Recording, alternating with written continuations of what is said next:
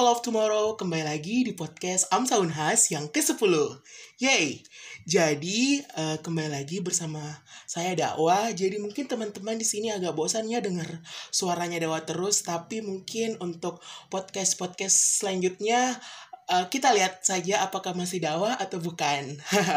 nah, jadi untuk podcast kali ini mungkin teman-teman uh, sudah ada beberapa yang mendengar podcast-podcast uh, sebelumnya. Jadi seperti yang kita ketahui bahwa AMSA Unhas itu adalah salah satu organisasi di Fakultas Kedokteran Unhas di mana uh, organisasi kami ini adalah organisasi mahasiswa kedokteran uh, seluruh Asia yang cabangnya itu ada di berbagai negara di Asia termasuk salah satunya di Indonesia ini. Nah, jadi uh, untuk Indonesia, Indonesia sendiri kita di Indonesia sendiri kita mem memiliki uh, beberapa uh, cabang juga di beberapa universitas yang mempunyai fakultas kedokteran. Nah, ngomong-ngomong mengenai fakultas kedokteran nih teman-teman, mungkin teman-teman uh, di podcast-podcast sebelumnya uh, podcast Amsa Unas itu membahas mengenai materi-materi uh, kedokteran ataupun tentang kesehatan.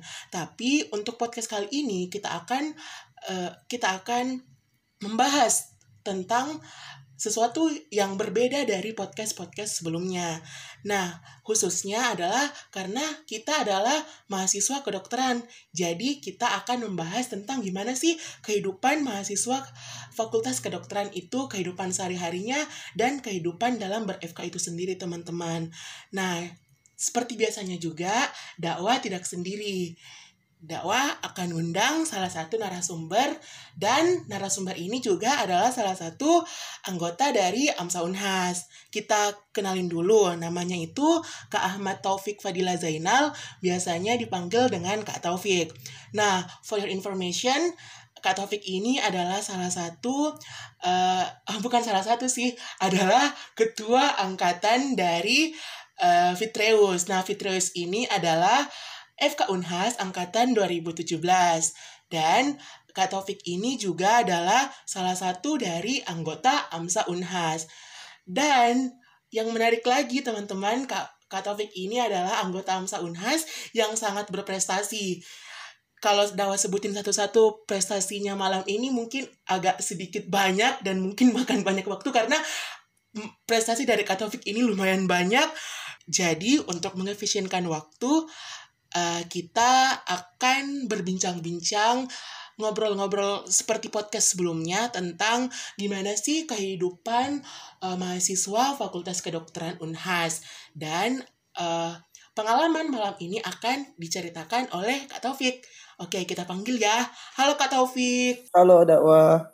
Jadi Kak Taufik sudah dengar malam ini Dawa akan ngomongin gimana sih uh, kehidupan mahasiswa Fakultas Kedokteran ini apalagi uh, khususnya kehidupan Kak Taufik sebagai mahasiswa Fakultas Kedokteran yang sudah jadi ketua angkatan, mahasiswa berprestasi dan juga uh, salah satu anggota dari AMSA Unhas dan anggota beberapa organisasi-organisasi di yang ada di FK Unhas. Oke kak, Dawa mulai. Jadi kalau boleh tahu sekarang kesibukannya gimana nih kak? Uh, ya, kalau sekarang itu uh, kan belum mulai kuliah, jadi sekarang itu kesibukannya cuman ini uh, susun tugas akhir dan juga uh, lagi ada project di ini di Thinkers of Education. Kalau boleh tahu yang Thinkers of Edu itu apa kak? Suatu project dari Kak Taufik juga atau bisa dijelaskan mungkin? Ya itu semacam ini semacam uh, lembaga.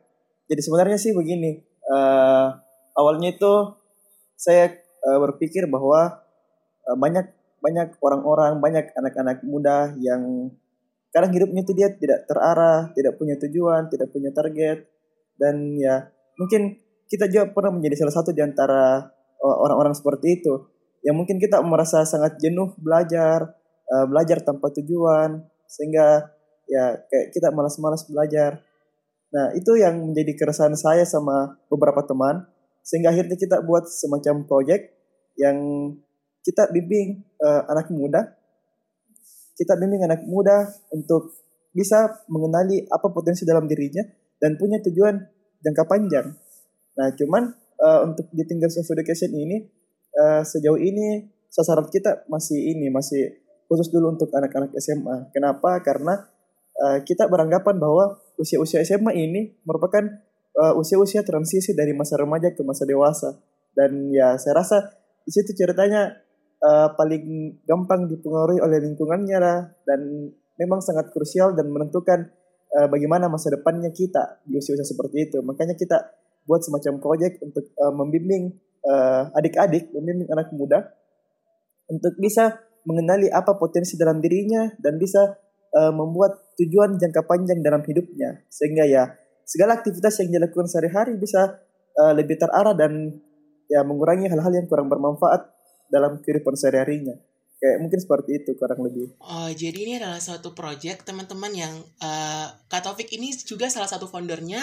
Di sini da dakwah juga barusan scroll Instagram dari Thinkers of Edu dan memang ini Kak Taufik dan teman-teman dari Fakultas Kedokteran uh, yang lain itu adalah salah satu pendiri dari Thinkers of Edu.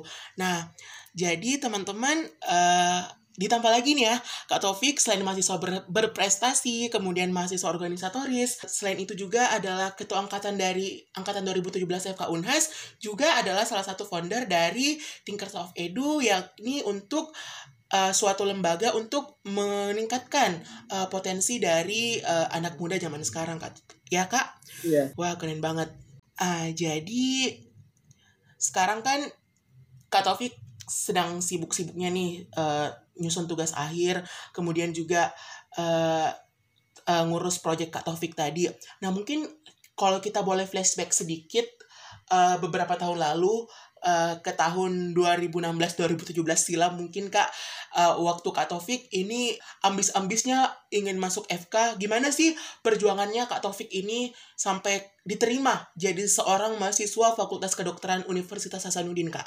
Ya, uh, cerita tentang pengalaman uh, waktu sebelum masuk FK. Jadi sebenarnya jadi dokter itu merupakan cita-cita saya dari kecil. Ya seperti mungkin kebanyakan orang yang anak kecil ditanya mau jadi apa kalau besar menjadi dokter. Nah cuman uh, sebenarnya uh, itu tidak konstan. Jadi uh, saya tidak bukan orang yang punya cita-cita dari SD sampai SMA untuk menjadi dokter. Waktu SMP sampai SMA uh, ya saya kenal dengan fisika dan Eh, betul-betul uh, saya menggeluti ilmu itu dan mendalami ilmu itu. Dan saya tertarik dengan itu. Makanya uh, mulai dari SMP sampai SMA ya apalagi setelah nonton filmnya uh, Habibie Ainun. Ya saya punya cita-cita untuk menjadi ini menjadi seorang uh, ilmuwan uh, sekolah di ITB wow. jadi Habibie di masa depan. Atau bahkan sampai nanti punya film juga Taufik dan siapa begitu ya ya ya ya. Ya itu sampai SMA sampai kelas ini sampai kelas 3 bahkan. Ya uh, sampai ini sampai suatu hari uh, waktu ini mulai masuk kelas 3 semester genap semester akhir.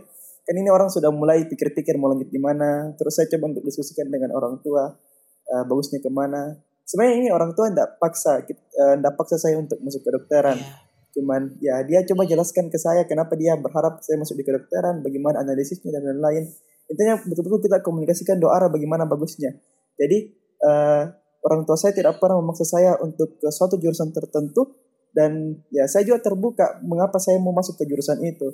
Dan akhirnya kita berdiskusi di situ dan uh, pada akhirnya orang tua saya bilang ya terserah mau pilih apa. Apa pun itu kita bakal dukung.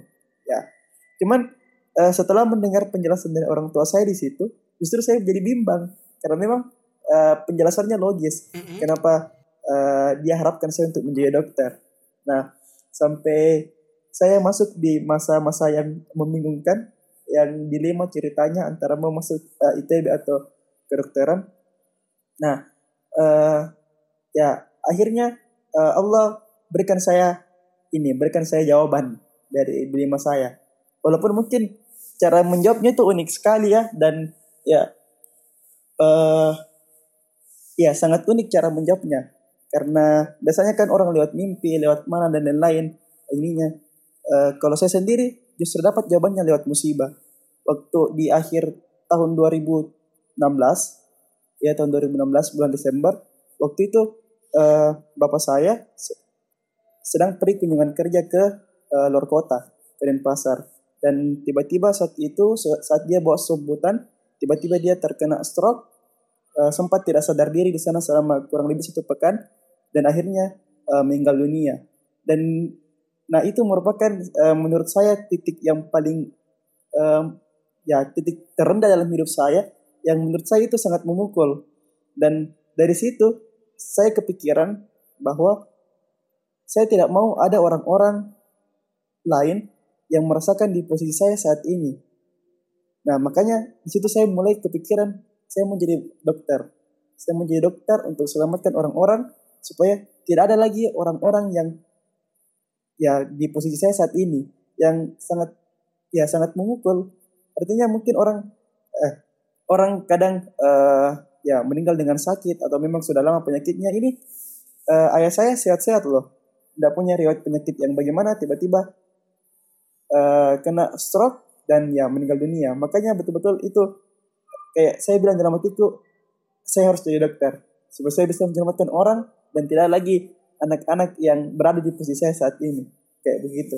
Makanya mulai dari situ ya saya uh, mulai bertekad untuk menjadi seorang dokter dan memang untuk persiapannya ini uh, waktu saya SMA kan saya dulu sering uh, menggeluti bidang fisika bahkan alhamdulillah sempat lolos ke Olimpiade Sains Nasional keren banget jadi bisa dikatakan memang uh, effort belajarnya saya mungkin uh, saya lebihkan dibandingkan teman-teman saya yang biasanya nah tapi ya itu nih tidak nyambung toh fisika dengan kedokteran. Tapi ternyata ada hikmahnya. Ternyata ada hikmahnya. Mungkin bukan ilmu fisikanya yang saya dapat, tapi kebiasaannya untuk belajar, bagaimana effortnya untuk uh, belajar suatu ilmu, itu yang saya dapatkan dan jadikan saya bekal untuk uh, belajar persiapan uh, eh, SBMPTN. Ya, saya termasuk orang yang tidak suka pelajaran biologi. Ya, pelajaran biologi saya biasa bolos atau saya biasa di duduk paling belakang belajar fisika dan ya syukurnya karena guru SMA saya mengerti, mengerti akan hal itu dan ya dia tidak pernah uh, melarang saya untuk ya melakukan hal itu. Nah, seperti itu tadi. Jadi kebiasaan belajarnya uh, itu yang menjadi bekal bagi saya untuk bisa mempersiapkan dan bisa dibilang bahwa memang uh, saya uh, mempersiapkan ini untuk SBMPTN memang lebih sangat lebih di awal dibandingkan teman-teman yang lain. Karena apa? Karena saya tahu saya tidak uh, pintar dengan seperti orang-orang yang lain. Saya cuma tahu fisika saja, biologi tidak, kimia tidak, ya matematika mungkin tahu-tahu sedikit. Jadi mulai dari itu ya sangat ini sebenarnya sangat uh, kalau orang bilang bilang uh, gampang masuk FK ya sebenarnya tidak juga karena memang uh, usahanya itu lumayan berat karena sejak itu saya kumpulkan semua buku kimia sangat sekali itu kimia Michael Purba dari 1A sampai 3B uh-huh. dan saya uh, hatami itu. Yeah, wow. Iya, intinya seperti itu. Jadi memang uh, bisa dibilang saya start duluan untuk persiapan SBMPTN dibandingkan uh, teman-teman yang lain. Karena saya tahu uh, saya orang yang malas masuk kelas. Dulu uh, masuk kelas juga belajar lain. Makanya saya ini nih saya coba nih untuk kejar yang lain.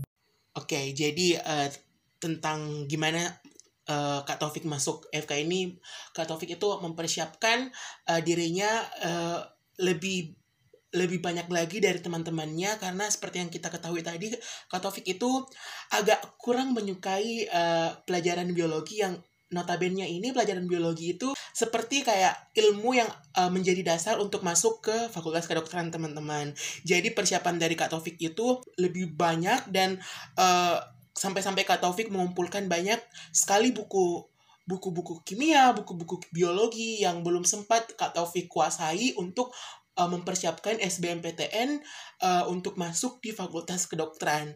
Nah, uh, lanjut lagi uh, pas sudah lulus nih Kak jadi mahasiswa kedokteran otomatis jadi mahasiswa baru. Uh, jadi mahasiswa baru kemudian uh, menjalani semester 1 2 satu, dua, dan seterusnya. Nah, kalau misalnya uh, untuk dakwah sendiri ya, semester satu itu adalah mungkin uh, masa-masa adaptasi di fakultas kedokteran dan sampai-sampai waktu itu uh, dakwah sendiri tuh kayak ngerasa uh, mungkin dakwah salah jurusan ataupun uh, ini nggak cocok nih buat saya. Apakah waktu semester 1, semester awal-awal itu Kak Taufik uh, merasa tidak cocok dengan fakultas kedokteran? Ya, uh, kalau seperti yang tadi dikatakan dakwah pasti uh, tentunya ada yang maksudnya masa adaptasi itu ada dan memang kita harus uh, survive uh. di masa itu untuk bisa bertahan. Cuman uh, tadi sebenarnya masalah perasaan masalah bagaimana kita rasa kita salah jurusan dan lain-lain kita tidak bisa bertahan atau uh, dan lain-lain sebagainya ya ini sebenarnya sejalan dengan yang tadi saya bilang tentang uh, proyek kalau kita punya tujuan kita punya arah kita bisa ini kita bisa uh, hindari perasaan-perasaan seperti itu. Kenapa ya? Pasti saya ini orang ini loh saya orang yang sangat tidak suka menghafal yang uh, tidak suka biologi. Tiba-tiba masuk di FK disuruh hafal uh, diktat anatomi yang berlembar-lembar dalam beberapa hari. Dan langsung uh, langsung ada responsi yeah. respons itu semacam uh, ujian. Nah ya gila lah gila lah cuman yeah. ya cuman saya saya paham saya tahu dengan diri saya saya lemah di menghafal menghafal uh -uh. dan saya uh, tahu apa tujuan saya dan arah saya makanya ya salah satu solusinya adalah saya harus uh, upgrade usaha saya kalau mungkin teman-teman yang uh, lain belajar uh, sejam ya mungkin harus saya harus belajar uh, lebih dari itu karena ya seperti itu saya sangat uh, tidak tidak suka dengan hafal-hafalan. Dan proses adaptasi itu sebenarnya uh, cukup lama. Uh, ya hampir satu semester mungkin. Cuman ya bagusnya mungkin karena uh, sebelum masuk perkuliahan saya sudah ini sudah diperkenalkan sama beberapa senior tentang pelajaran-pelajaran kedokteran. Makanya uh, saya tidak terlalu shock pada saat masuk karena saya sudah tahu. Jadi shocknya itu bukan pada saat masuk tapi sebelum masuk. Ya cuman ya alhamdulillah karena punya tujuan yang jelas dan usaha serta dukungan dari orang tua teman-teman juga. Ya alhamdulillah bisa survive sampai sekarang dan sekarang sudah masuk semester 7. Wah keren banget. Dari yang Kak Taufik gak suka banget menghafal di ketat anatomi sampai sekarang. Kak Taufik itu sudah menjadi salah satu asisten dosen anatomi uh, periode 2019-2020 jadi periode sebelumnya sebelum angkatan dakwah ini jadi asisten dosen anatomi. Nah itu teman-teman. Jadi tujuan kita itu harus jelas uh, kita ini arahnya mau ke mana. Kalau kita arahnya mau jadi dokter uh, kita harus effort kita untuk berusaha itu harus lebih dari yang sebelumnya saat kita masih berada di bangku SMA atau SMP misalnya. Nah lanjut lagi nih kak, sekarang kan uh, kita ini uh, kuliah online dari mungkin dari semester sebelumnya waktu, uh, waktu dakwah semester 4 Kak Taufik semester 6 kita sudah seperti setengahnya itu sudah uh, belajar secara daring atau online nih Kak. Nah, uh, kalau sebagai mahasiswa FK uh, Kak Taufik merasa terganggu nggak sih uh, proses belajar mengajarnya selama masa pandemi secara online ini? Ya sebenarnya kalau bicara soal uh, pembelajaran jarak jauh uh, daring khususnya kita mungkin yang fakultas kedokteran yang notabene-nya uh, kebanyakan itu kita praktikum di lab yang lihat langsung apalagi anatomi misalnya yang betul kita harus uh, lihat langsung bagaimana strukturnya karena gambar saja tidak cukup dua dimensi kita harus betul-betul lihat uh, bahkan menyentuh untuk bisa uh, memahami. Cuman selain itu sih sebenarnya uh, tidak terlalu uh, masalah kalau soal kuliah yang di kelas. Karena ya menurut saya uh, tidak terlalu banyak berbeda kalau dari saya pribadi. Uh, ya sekedar informasi mungkin saya tipe orang uh, audio visual. Jadi saya suka belajar melihat skema-skema melihat gambar sambil uh, mendengar dijelaskan. Makanya kenapa uh, kuliah jarak jauh ini tidak terlalu menjadi uh, hambatan bagi saya untuk kuliahnya di samping praktikumnya. Cuman yang seperti yang saya katakan uh, yang menjadi tantangan bagi kita yang masalah praktikum apalagi isunya saya dengar untuk semester depan katanya uh, praktikum anatomi katanya bahkan online. Kan kasihan uh, nanti mahasiswa baru. Tapi ya sebenarnya setiap setiap masa punya cerita dan ya tergantung dari kita bagaimana ambil hikmahnya Nah, teman-teman di sini Dawa bakal jelasin dulu mungkin uh, bagi teman-teman SMA ataupun teman-teman mahasiswa baru nih yang dengar podcast AMSA kali ini. Jadi sistem pembelajaran di FK itu ada yang namanya uh, CSL, kemudian PBL, kemudian uh, ada juga ujian yang namanya OSCE. Nah, kalau CSL ini uh, yaitu uh, clinical skill lab. Jadi uh, kita itu diajari skill-skill khusus uh, ataupun skill-skill mengenai blok yang kita ambil. Misalnya nih, uh, Dawa nanti ambil blok neurologi. Di situ kita bakal uh, dijelaskan tentang skill-skill uh, apa saja yang kita butuhkan selama uh, kita nantinya akan uh, menginjakan kaki kita di uh, klinik atau rumah sakit. Uh, skill-skill neurologi misalnya. Nah, kemudian ada juga yang namanya PBL yakni problem based learning di mana PBL ini merupakan uh, suatu pembelajaran yang berbasis masalah di mana kita akan diberikan seperti skenario skenario mengenai suatu penyakit yang kita ambil eh, di blok yang kita ambil atau kita programkan seperti itu teman-teman. Nah kemudian ada juga yang namanya OSCE ataupun ujian dari CSL tadi, di mana OSCE ini adalah ujian skill untuk menguji gimana sih kemampuan skill kita setelah kita mengikuti CSL selama satu semester. Nah untuk Kak Taufik sendiri uh, untuk semester sebelumnya ini kak uh, waktu uh, Kak Taufik menjalani CSL ataupun PBL secara online. Di situ ada nggak sih Kak Taufik ngerasain perbedaan waktu Kak Taufik menjalankan CSL PBL secara uh, offline dan sekarang secara uh, daring seperti sekarang Kak? Ya, uh, pasti ya, pasti tiap orang uh, rasa sangat berbeda. Kenapa? Karena ya metodenya juga ini metodenya sangat uh, jauh berbeda pada saat kita masuk kuliah CSL di lab dan uh, selama daring ini. Kenapa? Karena ya biasanya kita uh, langsung lihat dokter menjelaskan bagaimana, langsung dipraktikkan bagaimana contohnya. Iya. Ini tiba-tiba kita langsung uh, disuruh nonton video, baca ini, baca uh, modul, terus langsung disuruh rekam videonya kita uh, mempraktekkan. Ya, sebenarnya uh, menurut saya saya uh, kurang cocok dengan uh, metode seperti itu. Cuman uh, kalau kita pikir juga bahwa di kondisi pandemi ini uh, ya saya rasa itu itu sudah menjadi metode yang terbaik. Kita disuruh untuk praktekkan lewat video biar kita langsung bisa praktekkan dan harapannya harapannya kita bisa lebih paham dan lebih ini lebih menguasai skill tersebut. Cuman kalau ditanyakan untuk membandingkan antara kedua ini ya jelas pasti uh, saya lebih memilih yang offline.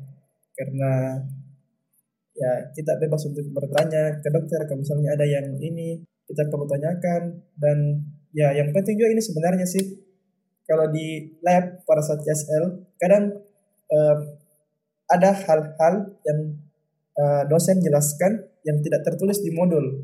Dan sebenarnya itu adalah bagian yang terpentingnya. Itu kenapa uh, kita mungkin merasa kayak ada sesuatu yang hilang saat kita belajar daring uh, dengan metode CSL yang kita ini kita uh, diberikan. Oh iya kak. Jadi uh, mungkin Kak Taufik juga agak merasakan sedikit perbedaan antara uh, waktu kuliahnya online dan uh, waktu kuliahnya masih offline dan sekarang ketika pandemi dan berlangsung kuliah online. Nah, dan juga itu mungkin dirasakan dengan teman-teman uh, baik itu dakwah ataupun teman-teman dakwah yang lain yang statusnya sebagai mahasiswa kedokteran saat ini. Nah, ini Kak yang paling menarik menurut saya mungkin kan Kak ini adalah ketua angkatan uh, kakak-kakak 2017 nih. Kemudian Kak juga ini sangat aktif berorga berorganisasi. Dan Kak Taufik ini juga uh, salah uh, salah satu mahasiswa berprestasinya Fakultas Kedokteran Unhas. Kemudian Kak Taufik juga ini sekarang lagi sibuk ngurus skripsi. Kemudian Kak Taufik uh, juga sekarang lagi sibuk juga ngurus project. Nah, gimana sih caranya Kak Taufik menyeimbangkan semua ini? Bagaimana sih caranya Kak Taufik itu mengatur semuanya dan bisa berjalan lancar? Ya sebenarnya kalau saya sendiri, saya bukan tipe orang yang uh, multitasking. Uh, artinya saya juga kadang kewalahan kalau misalnya langsung mengerjakan dua hal bersamaan. Dan ya saya juga salah satu orang yang percaya bahwa orang multitasking itu sangat jarang, sangat jarang ada satu satu dari uh, satu juta, satu dari satu juta orang Cuman kadang ada orang yang menganggap dirinya saya ini uh, bisa multitasking. Saya ini bisa langsung mengerjakan dua hal. Cuman ya banyak orang yang bisa, cuman tidak lebih efektif pada saat kita mengerjakan satu hal kemudian melanjutkan hal yang lainnya setelah menyelesaikan yang sebelumnya. Seperti itu. Jadi ada sebenarnya uh, yang mirip dengan ini yang mirip dengan uh, multitasking. Iya kak. Namanya ini switching. Jadi kayak kita berganti uh, satu hal belum selesai kita langsung mengerjakan hal yang lain terus begitu-begitu terus. Dan itu sangat tidak efektif. Mm. jadi Uh, karena saya orang yang tidak bisa multitasking, maka salah satu solusinya untuk mengatasi uh, berbagai hal yang kadang harus disel diselesaikan dalam waktu yang sama adalah bagaimana untuk bisa manajemen waktu secara sebaik mungkin.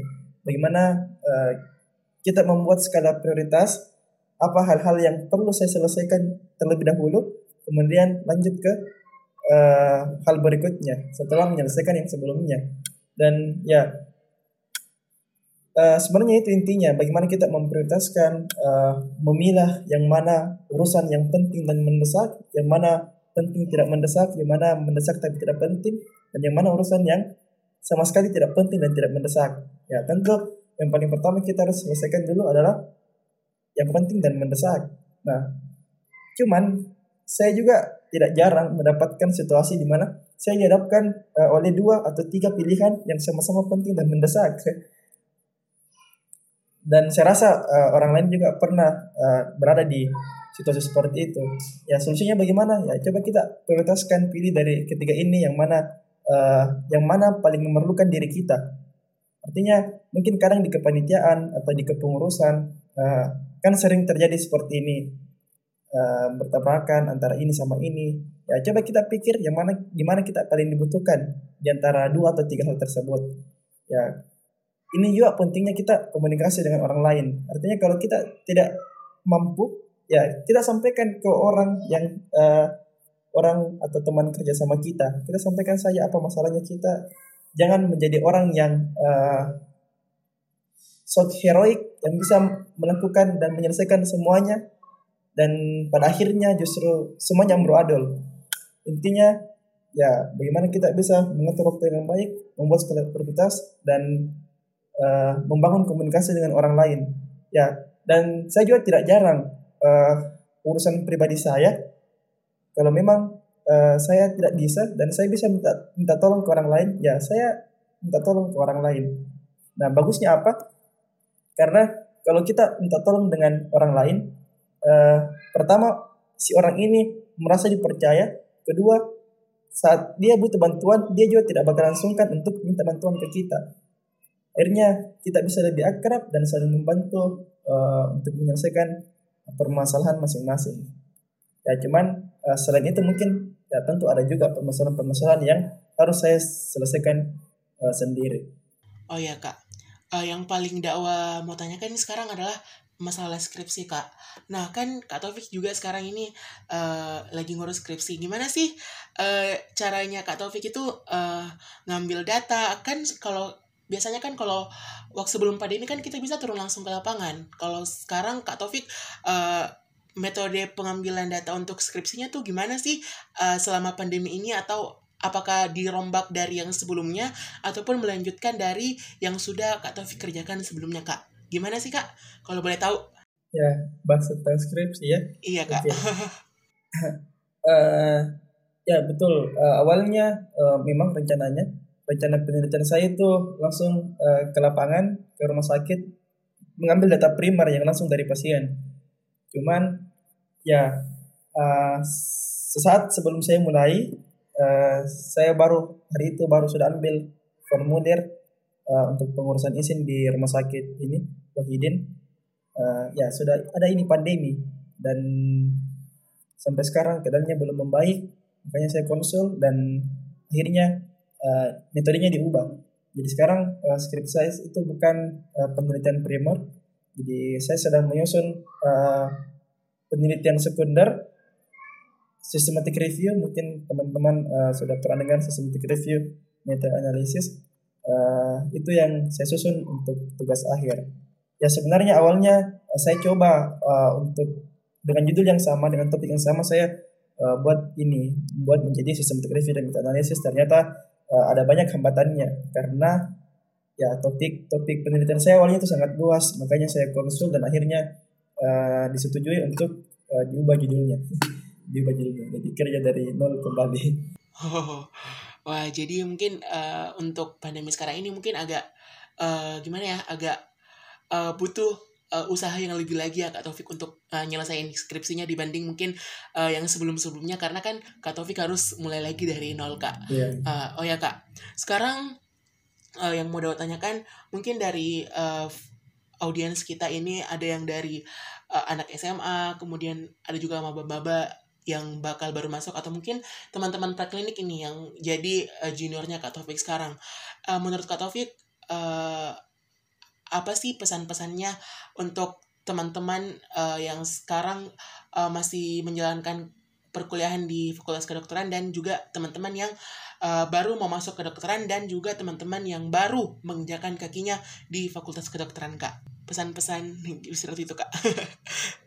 Mungkin untuk uh, semua kelompok yang tadi dikatakan dakwah yang pertama itu uh, ya kalau sampai saat ini kalian belum tahu tujuannya uh, kenapa masuk di fakultas kedokteran, kenapa harus begadang sampai tengah malam untuk belajar, kenapa harus bangun pagi-pagi uh, untuk kuliah sampai sore, kemudian kerja tugas, uh, kenapa harus mengorbankan waktu main, waktu jalan-jalan bersama teman-teman untuk belajar, ya saya sarankan untuk cari tujuannya kenapa.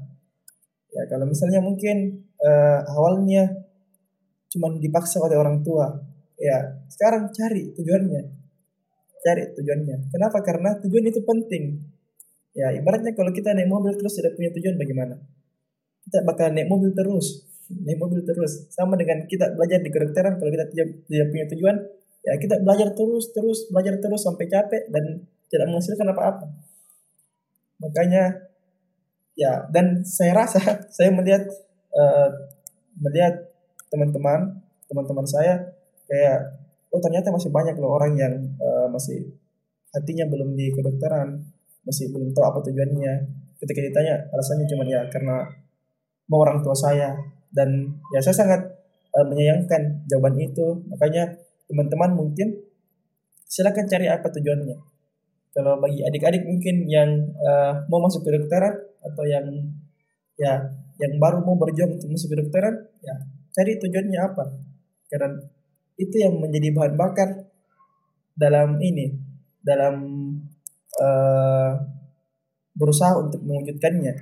Karena pasti kalau kita mau meraih sesuatu pasti di tengah-tengah jalan kadang kita merasa bosan merasa lelah mungkin. Dan ya itu menjadi salah satu bahan bakar menjadi energi lagi bagi kita kalau kita tahu apa tujuannya kita. Uh, mungkin itu yang paling penting untuk semuanya.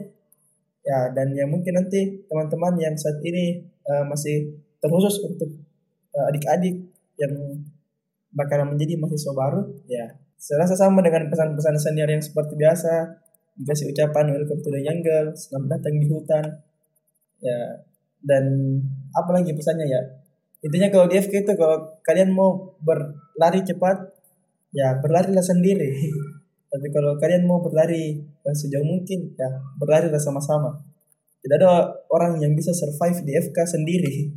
Jadi jangan jadi orang yang egois, saling tolong menolong. Mungkin itu saja dulu.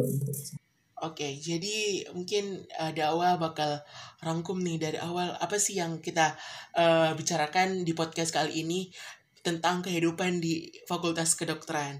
Nah, jadi hal yang paling dibutuhkan teman-teman dalam untuk menjadi seorang mahasiswa kedokteran adalah tujuan. Nah, seperti yang Kak Tobik bilang tadi, kalau kita tidak punya tujuan dan belum mengetahui tujuan kita masuk ke FK itu cari tujuan kita karena tujuan itu uh, sangat sangat penting untuk uh, bagaimana kita ke depannya. Nah, kemudian juga di sini untuk teman-teman yang uh, sudah punya keinginan untuk masuk FK, di sini persiapan kalian itu mungkin uh, bisa lebih ditingkat, ditingkatkan lagi.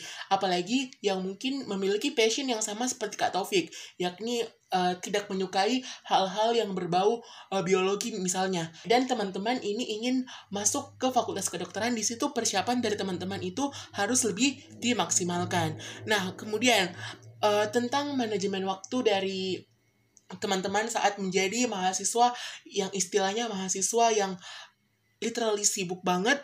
Nah, di sini teman-teman yang harus ketahui adalah manajemen waktu dan skala prioritas, di mana teman-teman itu harus memprioritaskan yang mana menurut teman-teman itu yang paling penting sampai yang menurut teman-teman itu uh, agak kurang penting. Nah, tentunya tak lupa lagi adalah komunikasi dengan uh, uh, orang lain karena seperti yang Kak Taufik tadi bilang itu uh, kita hidup di FK itu uh, tidak bisa survive sendiri. Harus ada teman-teman yang selalu bersama kita untuk uh, bisa survive di Fakultas Kedokteran. Jadi untuk teman-teman nih yang baru ataupun mau menginjakan kakinya uh, di Fakultas Kedokteran, uh, mungkin pesan-pesan yang disampaikan oleh Kak Taufik tadi itu mungkin bisa lebih direnungkan kembali agar supaya teman-teman nantinya itu bisa survive dan bisa menjadi bintang di FK seperti Kak Taufik ini. Oke, teman-teman, mungkin kita sudah beberapa menit